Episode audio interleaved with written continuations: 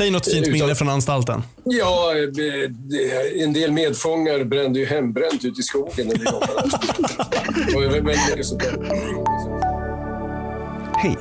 Innan avsnittet börjar vill jag påminna om att vi har en mängd olika program och massor av bra och viktig journalistik på etc.se. Du kan också få en testprenumeration av Dagens ETC för bara 39 kronor i veckan.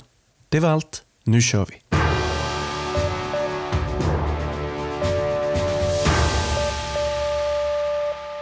Hej och varmt välkomna till det första avsnittet av Dagens ETCs ledarpodd. Där tidningens ledarsida pratar, diskuterar, ställer frågor och kommer fram till aktuella lösningar, vad som är rätt och fel, vad som är dumt och riktigt eh, tillsammans med våra inbjudna gäster. Mitt namn är Max Karlsson. Jag är ledarskribent och poddens programledare. Med mig från ledarsidan idag har jag Göran Greider. Hejsan, hejsan. Och Laila Vianda. Hej. Vår gäst idag är Emma Hön Bustos, vikarierande ledarskribent på Dagens Nyheter och chefredaktör för magasinet Liberal Debatt. Hej, hej. Varmt välkomna alla tre. Det givna ämnet idag är Stefan Löfven. En statsminister på väg ut efter sju år som högsta hönset. Mycket går väl att säga om vår meste ledare och eh, det går såklart att måla upp olika eh, porträtt det politiska, det fackliga, det sociala. Men vi ska faktiskt börja med det som är det närmaste, det personliga porträttet. Eh, innan jag kastar ut min eh, första riktiga fråga så har jag faktiskt en liten snabb fråga. Eh, vet ni vad statsministern heter i mellannamn? Ingen aning. Nej. Nej. Nej. Han heter Kjell. Vi har en Kjell som statsminister. Ja. Alltså heter han, det är det mellannamnet, det är inte Kjell Stefan. Eh, det, det, låter ju som ett dansband. Det, är, eh, det är lite olika. Som jag har förstått det är mellannamnet, eh, men på Mm. vissa ställen så står det före. Så det kan mycket väl vara så att det är stat, eh, dansbandsstatsministern faktiskt. Mm, ja, häftigt. Väldigt socialdemokratiskt. Både Kjell och Kjell-Stefan. Passande. Verkligen. Den första riktiga frågan är, vem är Stefan Löfven? Vad skulle du säga Laila? Eh, tre saker. Eh, dels en 100% arbetarrörelse. Han är besläktad med mig, upplever jag i alla fall. Och han är väldigt duktig på att bygga koalitioner. Håller du med Emma? Eh, ja, jag har ju ett elakt och ett snällt svar. Eh, om man ska vara elak så är han en idélös maktspelare gjord av teflon. om man ska vara snäll så är han, har han varit en samlande kraft för en socialdemokrati i kris. Göran, vad säger du? Nej, men han är eh, den sympatiske men motvillige eh, statsministern och eh, S-ordföranden. Jag har alltid tyckt om honom i grunden bara för det där att han inte riktigt ville bli en makthavare. Där. Det har alltid varit något som har, jag höll på att säga, inspirerat mig, men åtminstone imponerat på mig. Att han kom till makten där från ett annat håll på något sätt. Och han har bevarat sitt lugn där genom alla kriser och det ska han verkligen ha all heder för. Jag tycker det har varit ganska imponerande på det sättet. Ja, han är, det är ju väldigt svenskt att liksom först tacka nej till uppdrag och sen ta dem och det har han ju gjort flera gånger. Ehm, men, eh, och sen så, nu så gör han ju egentligen också en väldigt svensk grej, att avgå. Så att det är ju eh, också något sånt, eh, eh, ja, men rätt passande i det. Ehm, för mig är liksom Stefan Löfven en eh, Ja, men en statsminister som, eh, och det här tycker jag är en del av det personliga porträttet, han kunde gästtala på liksom LO-kongressen eh, samma år som arbetsrätten inskränkts men såklart utan att med ett ord nämna just det. Men samtidigt verkar väldigt ledsen känns som över att ansvaret nästan alltid har varit någon annans på ett litet sätt. Jag, jag vet att det är en medveten bild också av den snälla men bestämda förhandlaren och, och jag vet ju att det bidrar till, till det. Eh, han, han vill att man ska veta och känna att han typ är en bra chef. Eh, men summan när man då är liksom den högsta chefen, det blir egentligen att han, han vill vara mellanchefen som kanske måste göra nedskärningar, tycker det är lite jobbigt, men snackar skit om chefen på rasten med de som jobbar ändå. Ehm, Ja. I ständig opposition mot sig själv har han ju varit. Det är imponerande som du säger när man är regeringschef. Nej, men han har väl politiker. Jag tycker ändå att han har varit förvaltaren, administratören. Det jag har saknat hela tiden är ju någon typ av ideologisk övervåning, eller idépolitisk övervåning. Där har det varit helt nollställt. jag har, ju, jag har ju ofta beskrivit honom när man har skrivit genom åren om honom som ideologiskt stum. Och det är faktiskt, mm. det, det, är faktiskt slående. Eh, och det är ju den andra sidan av det här att komma från den fackliga kanten där man eh, måste förhandla, man måste förhålla sig till, till, till eh, sakernas tillstånd och kan liksom inte vinna alla slag på en gång på något sätt. Eh, men det har varit, eh, för många, och inklusive mig, så har det varit en ganska frustrerande period med Löfvens eh, tid som S-ordförande och statsminister. Det, det måste jag säga. Man har aldrig kommit upp det har aldrig funnits en övervåning. Det har varit en jordkällare. Knappt det liksom. I och för sig låter ideologins jordkällare rätt fint tycker jag. ja, okej. Okay, alltså, nu, nu jag ångrar mig direkt. För att jordkällare det är permakulturens stora juvel här numera. Så det kan man inte prata illa om. Även om man inte är S-väljare just så, eh, men vänster, så har det också varit en frustrerande period och jag tänker att det delvis beror på just att han är duktig på att bygga koalitioner och han är duktig på att hålla S vid makten och, och förhandla fram eh, lösningar och på det sättet kan man nästan se honom som en, en så här sträng och skicklig leninist i, i viss bemärkelse. Men frågan är väl kanske vad som händer som eh, Göran säger med kärnvärdena, till exempel när ett gammalt eh, samarbetsparti som Centerpartiet faktiskt gör en, en ganska kraftig högervändning eller vridning under Maud Olofsson och som också fortsätter under Annie Lööf. Och ibland så har jag privat undrat om han, om han har underskattat den, den förändringen som Centerpartiet har gjort. Hur Löfven kommer gå till historien handlar mycket också om, om vilket perspektiv, vilken utgångspunkt man har. För att eh, sett ur ett europeiskt perspektiv så har han ju i alla fall lyckats parera den socialdemokrati som är i fritt fall i andra länder. Mm. Och bara det faktum att opinionssiffrorna ungefär ser likadana ut som när han tillträdde kan ju faktiskt mm. historiskt sett komma att bli en bedrift. Så är det. ses som en bedrift i alla fall. Mm. Jag tycker ofta att det är en sån grej så här, som, som Stefan själv eh, missar men också typ Socialdemokraterna i, i, Sverige missar att, att prata om det internationella arbetet som man eh, gör som man gör väldigt mycket av. Alltså, eh, både Stefan Löfven men sen även många typ så här LO-toppar eh, och sånt där är ofta aktiva i typ europeiska förbund och driver jättestora projekt i EU med så här, Europafacket och ILO och massa sådana grejer men eh, som man liksom inte alls pratar om i den, i den inhemska debatten. Vet inte riktigt varför. Jag vet inte om det är så att man tänker att det är, det är för stort eller för svårt. Men, men eh, det hade varit jättesympatiskt att höra mer om liksom Stefan Löfvens eh, engelska tal om så här global solidaritet. Och jag menar, även inför mm. corona när de pratade om så här, i väldigt kort tid men eh, då väldigt aktivt pratade om vikten av att ha vaccin över hela världen och att Sverige skulle mm. bidra så mycket. Och så. Det är lite bortblåst men... Ja, men det får man skylla lite grann på mediala bevakningen som gärna fokuserar på det politiska spelet som det heter. Alltså, hur är stämningen nu mellan Löfven och Annie Lööf ungefär? Eh, och då kom, eh, ja det har blivit mycket mer personfixerat eh, sen eh, ja, 20 år tillbaka. Eh, och då försvinner ju lätt de där frågorna du tar upp över kanten där helt enkelt. Ja, men det har ofta varit en väldig skillnad, man har hört Stefan Löfven prata i någon typ av fackliga sammanhang och när han intervjuas i Aktuellt.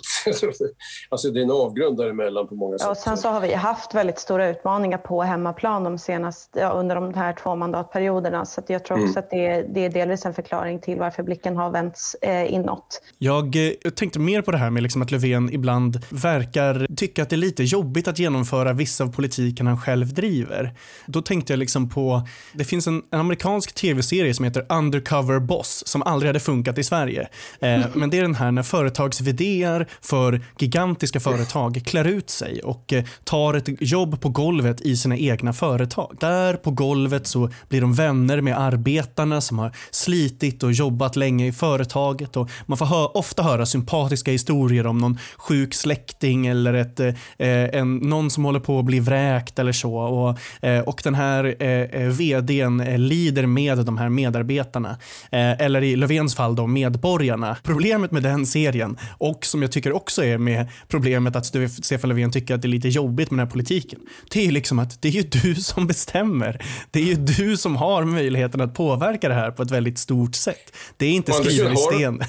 ja, å andra sidan har du inte på, möjlighet att påverka alltihop. Det är det som varit problem. Problemet har ju varit, eh, kompromisser har varit nödvändiga för att överhuvudtaget kunna få till stånd en regering.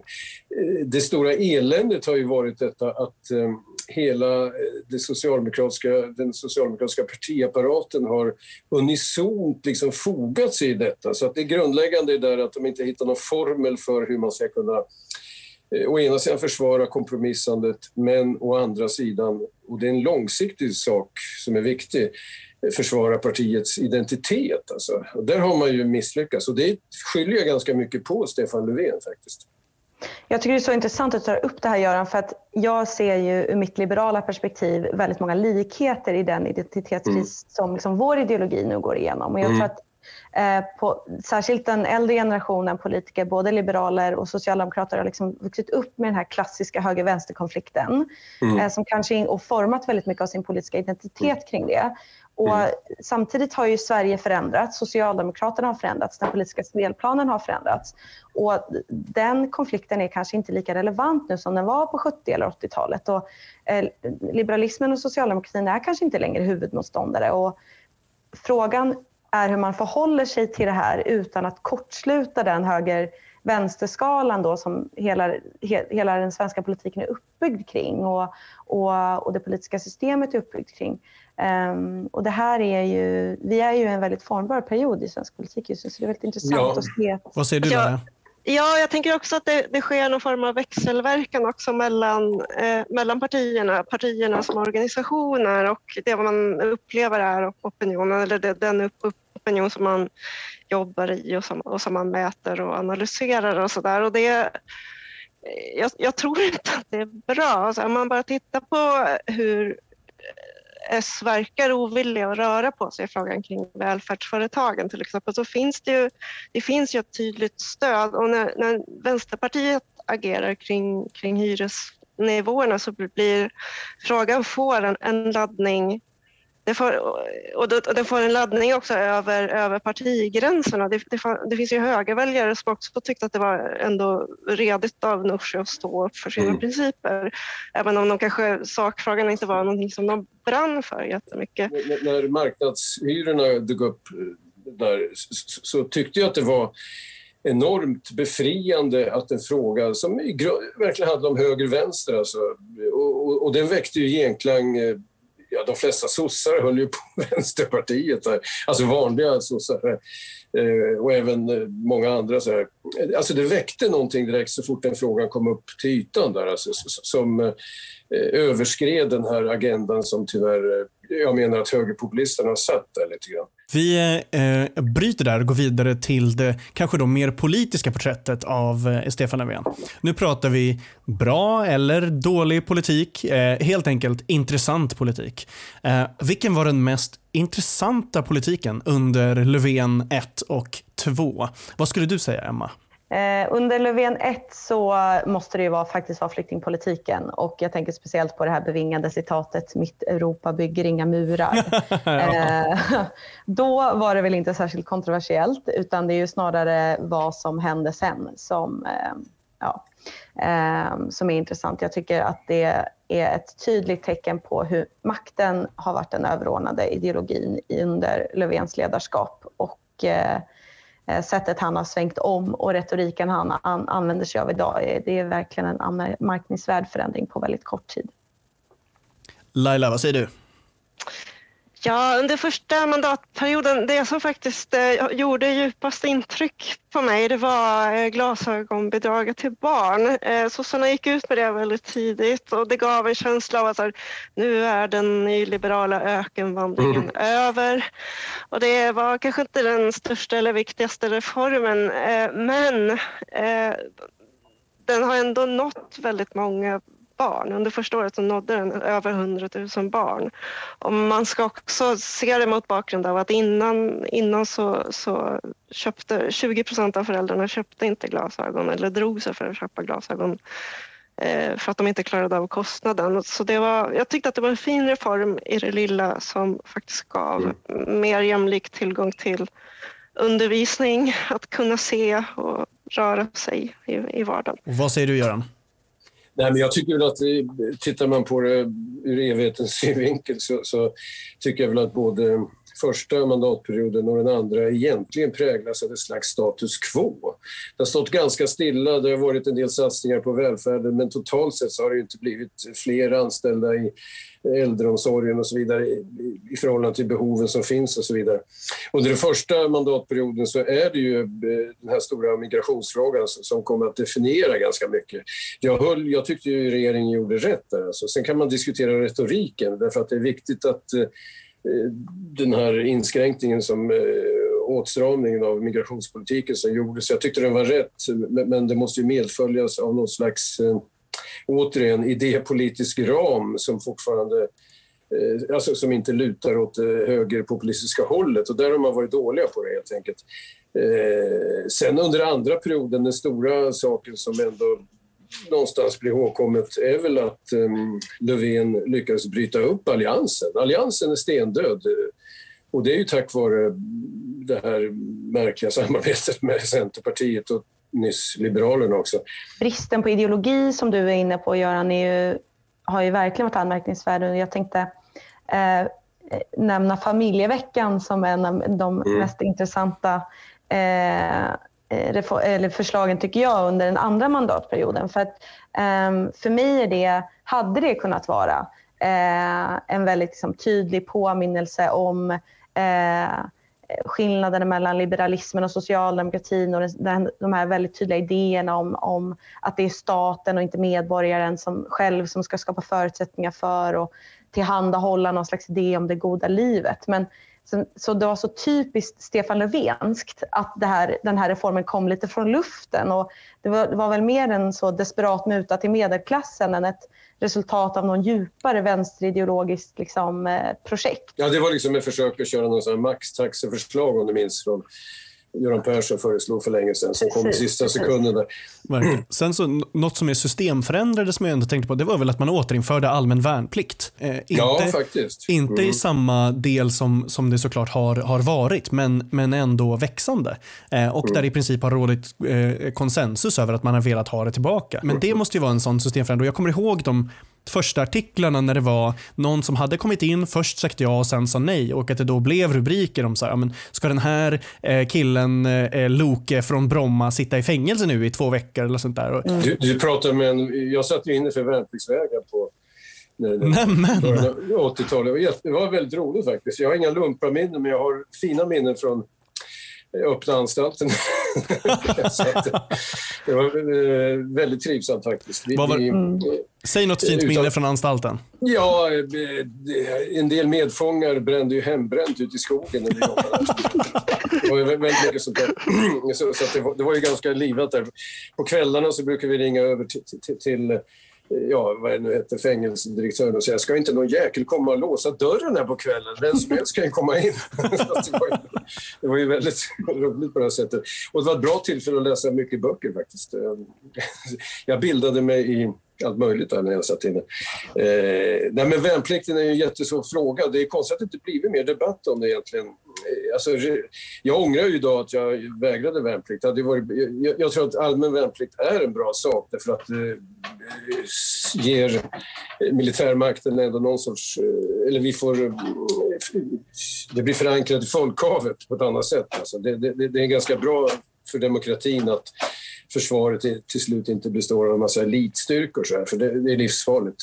Alltså, vi har ju ingen i praktiken allmän värnplikt att tala om. Det är ju fortfarande väldigt lätt att och, och, och, tacka nej. Eh? Få, ja. få mm. kastas i fängelse eh, just för att man inte, man inte tar in så många i varje årskull. Eh, men det kan ju förändras eh, och jag tycker jag hade gärna sett, som ur ett liberalt perspektiv är jag eh, starkt emot eh, våldsmonopolet liksom, eh, tar sig rätten eh, till unga människors liv. Och det är en diskussion som behöver föras. Ja, det finns ju många goda argument för värnplikt också såklart, men det kändes mm. som att det förlorades lite i debatten. Laila, har du något att säga? Nej, men som vänster så var jag helt uppgiven när den kom. Eller jag, jag såg bara att vi förlorade. Det går inte att ta den här diskussionen, det är kört. Och, och som sagt, det finns ju också goda argument för, för en allmän värnplikt. Min bror kallades in bland annat och han, ja, men är, han, han har ju just den upplevelsen också att krig, krig är ingenting och militarism det är liksom ingenting eftersträvansvärt i sig mm. utan det är någonting man helst vill undvika. Men om det händer så kan jag vandra runt i skogen med en ryggsäck i två veckor och klara mig. ja. Ja, så, så att det, nej, jag var bara helt uppe. Men jag håller med om att det behövs en, en skulle vara roligt med en vidare debatt om om det. Det, det. På något sätt så blir det aldrig riktigt debatterat. Alla de här övningarna som pågår tillsammans med NATO och så vidare. Enorma klimatförstörande verksamheter och miljöförstörande verksamheter. En av de värsta miljökatastroferna i modern historia är ju invasionen av Irak helt enkelt. Det är faktiskt väldigt spännande. Där hade jag, jag hade velat se en, en eh, liksom aktiv eh, MP-falang driva det liksom väldigt hårt om att... Tesla-pansarvagnar. Ja men exakt. Ja, ja. Och, att, och att försvaren ska liksom redovisa det mer. Eh, vad jag vet så finns det bara två EU-länder vars militär militärer eh, totalt överhuvudtaget redovisar eh, liksom mhm. hur, eh, eh, eller hur det påverkar klimatet. Vi måste ändå ha en miljöpolitik som utgår från människan. Och, eh, om det är någon, ja. någonting vi ska ha försvaret för så är det ju att försvara människors liv och hälsa. Eh, så där, du är emot eltanks? Ja, så länge de funkar lika effektivt som eh, bensintankar så fine. Mm. Men... Vi eh, ska gå vidare till eh, någonting som också typ har att göra med eh, eh, krig, om man ser krig som en storm. Vi ska prata om skandaler. Eh, det har varit en hel del stormar och skandaler under eh, bägge mandatperioder egentligen, under Löfven. Kanske fler under Löfven 1, men man glömmer också bort de här rätt snabbt. Är det något särskilt som ni kommer ihåg? Eh, har ni någon personlig favoritskandal? Eh, Laila, du får börja. Ja, nu kommer jag, jag säger väldigt mycket positiva saker om Stefan Löfven nu. Och Fy! jag är ideologiskt så står jag väl ju kanske till vänster om Göran Greider så jag har ju också åsikter om de andra. Men den bästa skandalen som jag kommer minnas honom för det var när han faktiskt kallade SD för ett nyfascistiskt parti. Han hade så stöd av forskningen och han vägrade backa trots att han fick jättehård kritik från, från vissa håll. Och jag tyckte att det var fint att se honom stå på sig för att just då så, så var det ett väldigt ängsligt klimat och det var väldigt mycket skuggboxning i debatten. Men, men är det fascist eller är det, vad, hur, hur ska man definiera det här? Det är ändå en modern eller postmodern rörelse och så vidare. Och vad säger forskningen? Och den är såklart inte enig för att det är ett forskningsfält. Mm. Men, men han stod kvar och det, det kommer jag alltid komma ihåg med Stefan som mm. någonting väldigt positivt. Göran, vad säger ja. du? Favoritskandal? Eh, alltså jag, tycker, jag förknippar inte Löfven-perioderna med skandaler. Det kanske är att jag glömt bort dem helt enkelt. Ja, då har du eh, dåligt minne. ja, jag, Nej, jag förknippar det med kriser. Det gör jag ju. Det har varit ständiga kriser. Jag kommer inte på någon eh, superskandal här. Transportstyrelsen? Ja, jo, men det är klart att det är, ordet skandal, jag vet inte, det knappt kommer ihåg vad det där handlar om längre. Nästan blir det som till slut, för det är så mycket som staplas. Emma kan påminna oss sen. av alla väljare. Emma påminner oss sen om det. Nej, men jag, Emma, vad säger du då? Nej, men det är Transportstyrelsen såklart. Det var ju ett, ett haveri av rang. Eh, men jag är nog benägen att hålla med Göran lite om det. Jag förstår din eh, utgångspunkt, för jag tycker att det som har varit mest anmärkningsvärt under Löfvens ledarskap har varit att han lyckats komma undan alla kriser. Att han har på något sätt föst eh, andra mm. ministrar och andra delar av regeringen framför sig. Så fort det liksom stormar lite så eh, då försvinner han ur bilden. Eh, och det är ändå vår, vår regeringschef vi pratar om, det är vår statsminister. Ehm, och han har varit otroligt skicklig på att och liksom ducka och, eh, och göra sig osynlig när det verkligen bränner till. Alltså bara nu senast eh, med med turerna kring Afghanistan så har han ju varit helt osynlig. Ann Linde och Morgan Johansson står på presskonferens efter presskonferens och får försvara regeringens eh, eh, oförmåga att agera för människor som har riskerat och risk just nu riskerar sina liv för att ha tjänstgjort för Sverige. Eh, och Löfven har överhuvudtaget inte uttalat sig. Det var Men, väl ja. några enstaka inlägg på sociala medier. Mm. Men eh, Emma, ropar du inte efter en stark ledare i alla lägen? Är det inte så ganska bra med delegering, att ministrar är ansvariga för vissa områden och inte, var, inte ska inte vara så att varje fråga som dyker upp måste till varje pris statsministern ut och tjoa om. Alltså. Därför att det finns ju en dröm, och den är ju tyvärr på den auktoritära sidan, att vi ska ha en ledare som alltid pekar med hela handen åt ett visst håll i varje krisläge och är väldigt tydlig så här. Eh, och Löfvens hållning har snarare varit att vänta ut saker, låta ministrar bära. Och eh, jag kan inte tycka att det är fel hållning. Alltså. Ja, där är vi nog lite oense. Jag, jag tycker att det är viktigt att, eh, i, som du säger, viktigt absolut med att delegera ansvar och sådär, men, men när det verkligen bränner till så måste den person som leder landet ändå synas och höras och ta, ta ställning i viktiga frågor. Och till exempel då i Afghanistan, det är ju det, kanske det land som vi har haft störst engagemang i i modern tid, både militärt och biståndsmässigt. Och hans totala frånvaro i frågan är anmärkningsvärd tycker jag. Skandaler, kriser, eh, stormar, kalla det vad man vill, men det har också hänt väldigt mycket i världen eh, under Stefan Löfven. Jag pratar om terrordådet till exempel, snart två år av, av eh, pandemi, flyktingkrisen. Det här har ju, oavsett vilket parti och vilket land, präglat liksom all politik. Har de, har de gagnats av att kunna regera under kris? Det tror jag att de har. De är också den typen av parti som gagnas av att kunna styra landet under mm. kriser. Man vill att den sittande regeringen ska klara av situationen. Oavsett vad som har hänt i världen nästan så hade nog eh, Socialdemokraterna legat på de här nivåerna de ligger nu. Alltså ungefär. Och det beror på, inte på världshandeln i sig, även om det naturligtvis alltid en enda röra hänger ihop. Men, men det beror nog på det här att på tusentals möten runt om i landet så, så är det 70% färre medlemmar som är där. Mm. Eller vad det kan vara. Eh, det, där, det var ju det som en gång i tiden förändrade Sverige. Att det var otaliga små möten där det satt ett antal människor som drev sina frågor år efter år. Eh, alltså inte bara i sossarna utan även i andra partier. Eh, hela den där basen för politiken har ju försvunnit och det är därför det går mycket mer upp och ner då, med, med, med opinionssiffror för många partier. Och så, så, så jag tycker nog att det är det som är huvudförklaringen till, till, att det ser ut som det gör nu. Då. Jag håller verkligen med och jag tycker det är talande också just de här, de här kriserna som vi har haft med under pandemin och också i hög grad eh, gängkriminaliteten och segregationen. Det är ju socialdemokratins hemmabas. Det är, liksom, det är välfärdsfrågor, det är social mm. utsatthet, det är vård, mm. det är omsorg och ändå lyckas man inte hämta upp den frustration mm. som finns hos väljarna. Jag tycker det, tar, det säger ju mycket om hur mm. lågt förtroende eh, och hur låg tilltro väljarna har till socialdemokratins förmåga att, att lösa de här problemen och, mm. eh, och leverera den välfärd som vi behöver för att lösa mm. de här stora utmaningarna. Å andra sidan är inte förtroendet överdrivet högt för de andra partierna heller. Så det är liksom allmän, eller hur? Om vi tar ett parti som ligger nära eh, Dagens Nyheters ledarsida så ligger de ganska illa till. Jo, jo, men fler, flera grejer kan vara dåliga samtidigt. Fast det är, det är ju en allmän tendens också bland all, alla politiska partier. Men det blir ju väldigt smärtsamt för, för socialdemokratin, i alla fall i Sverige den, där den har varit statsbärande. Den har, mm. den har byggt upp och varit aktiv i, i, i så mycket av det, det som är Sverige. Vi ska prata om vem som efterträder Stefan Kjell Löfven. Göran? Jag tror att det blir, nu vet jag inte mellannamnet här, men jag tror att det blir Magdalena Andersson. Jag ser det nog som ganska självklart att det blir hon då, hur det nu än går till faktiskt. Laila? Jag tror också på Magdalena Andersson. Och Emma?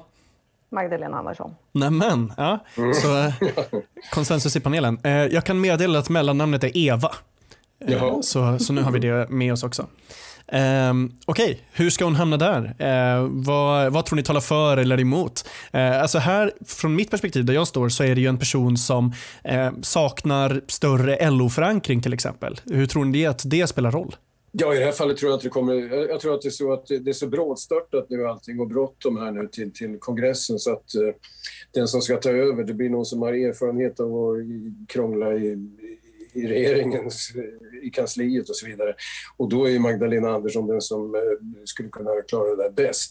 Det socialdemokratiska partiet, vare sig det gäller kommunpolitiker eller enskilda medlemmar, vill dra det lite åt vänster. Alltså. Det är helt klart att det är så. Problemet är då att alla kandidater, och särskilt då Magdalena Andersson, de är förankrade i, mera i den högra sidan av partiet. Problemet är ju bara att väljarna befinner sig i mitten. Väljarna befinner sig inte åt vänster. Ja, det beror på vad man menar där. Alltså, jag tror att det finns en väldig eh, efterfrågan på eh, ja, klassutjämning, på att minska skillnaderna och så vidare. Det tror jag det gör. Alltså. Helt klart, det tror jag. Det finns en slumrande jämlikhetsiver tror jag också. Jag tänker att det är svårt att vara folklig när man eh, då har en partiledare som eh, var mig, eller mig veteligen blir den första partiledaren som har gått på Handels. Det är lite mindre svetsaren Kjell-aura över Magdalena Andersson. Det, det kan man lugnt säga. Ja. Man kan inte dra lika många historier om hur det var att vara typ aktiv i studentlivet på Handels. Liksom. alltså inte det. Det är säkert, de brände väl hemma där också. vad, säger, vad säger ni andra om Magdalena Andersson? Hon har ju visat sig lite mindre kompromissvillig. Eh, I januariavtalsförhandlingarna för, till exempel så, så körde det ju fast sig delvis på grund av henne, som jag har förstått eller som liksom, eh, rapporter har kommit eh, utifrån. Och det kan ju bli ett problem. Jag vill se en valrörelse där partierna går till val på sin sakpolitik och sen mm. kompromissar om vilken regering de sitter i och i vilken form och vem som ska få mm. igenom vilka delar av politiken. Mm. Um, så oavsett vil, vilket håll Magdalena Andersson drar um, så, så tror jag att uh, en liksom ideologisk injektion i partiet skulle vara väldigt bra. Laila, vad, har du någonting att säga om Magdalena Andersson? Jag tror, ja, men jag tror att hon skulle vara jättebra för partiet. Hon, är, hon har lång erfarenhet. Hon, är, hon har en väldigt stark pragmatisk ådra. Det har ju visat sig genom hennes gärning också under pan, pandemin till exempel. Men på sikt så tror jag att både hon och Löfven är som jag sa, de är samma typ av, av politiker och samma typ av ledare. De kommer inte göra några ideologiska svängningar, varken till höger eller vänster. De kommer fortsätta på ungefär samma spår. Och det är ju lite av, det är ju sossarnas största problem att, att det är så när det blir, det blir en högervridning när man skulle behöva göra en, en vänstergir. Ja, jag tycker att tajmingen på Stefan Löfvens avgång och sättet han har hanterat och sättet han har ju väldigt tydligt signalerat att Magdalena Andersson är hans liksom, efterträdare och hans kronprinsessa. Men det som jag tycker är märkligt är liksom att han så tydligt vill säkerställa sitt arv och sin efterträdare och att det är liksom hans falang som ska få eh, fortsätta leda partiet. Men vad det arvet faktiskt är, är ganska otydligt. Där hörni så tror jag faktiskt att vi är färdiga för idag. Mm. Jag skulle vilja rikta ett eh, jättestort tack till Emma som var veckans eh, gäst. Eh, från ledarsidan så var vi som var med Laila och Göran och sen så heter jag Max som var programledare. Det här var allt för veckans Tyckpressen. Ciao! Ciao.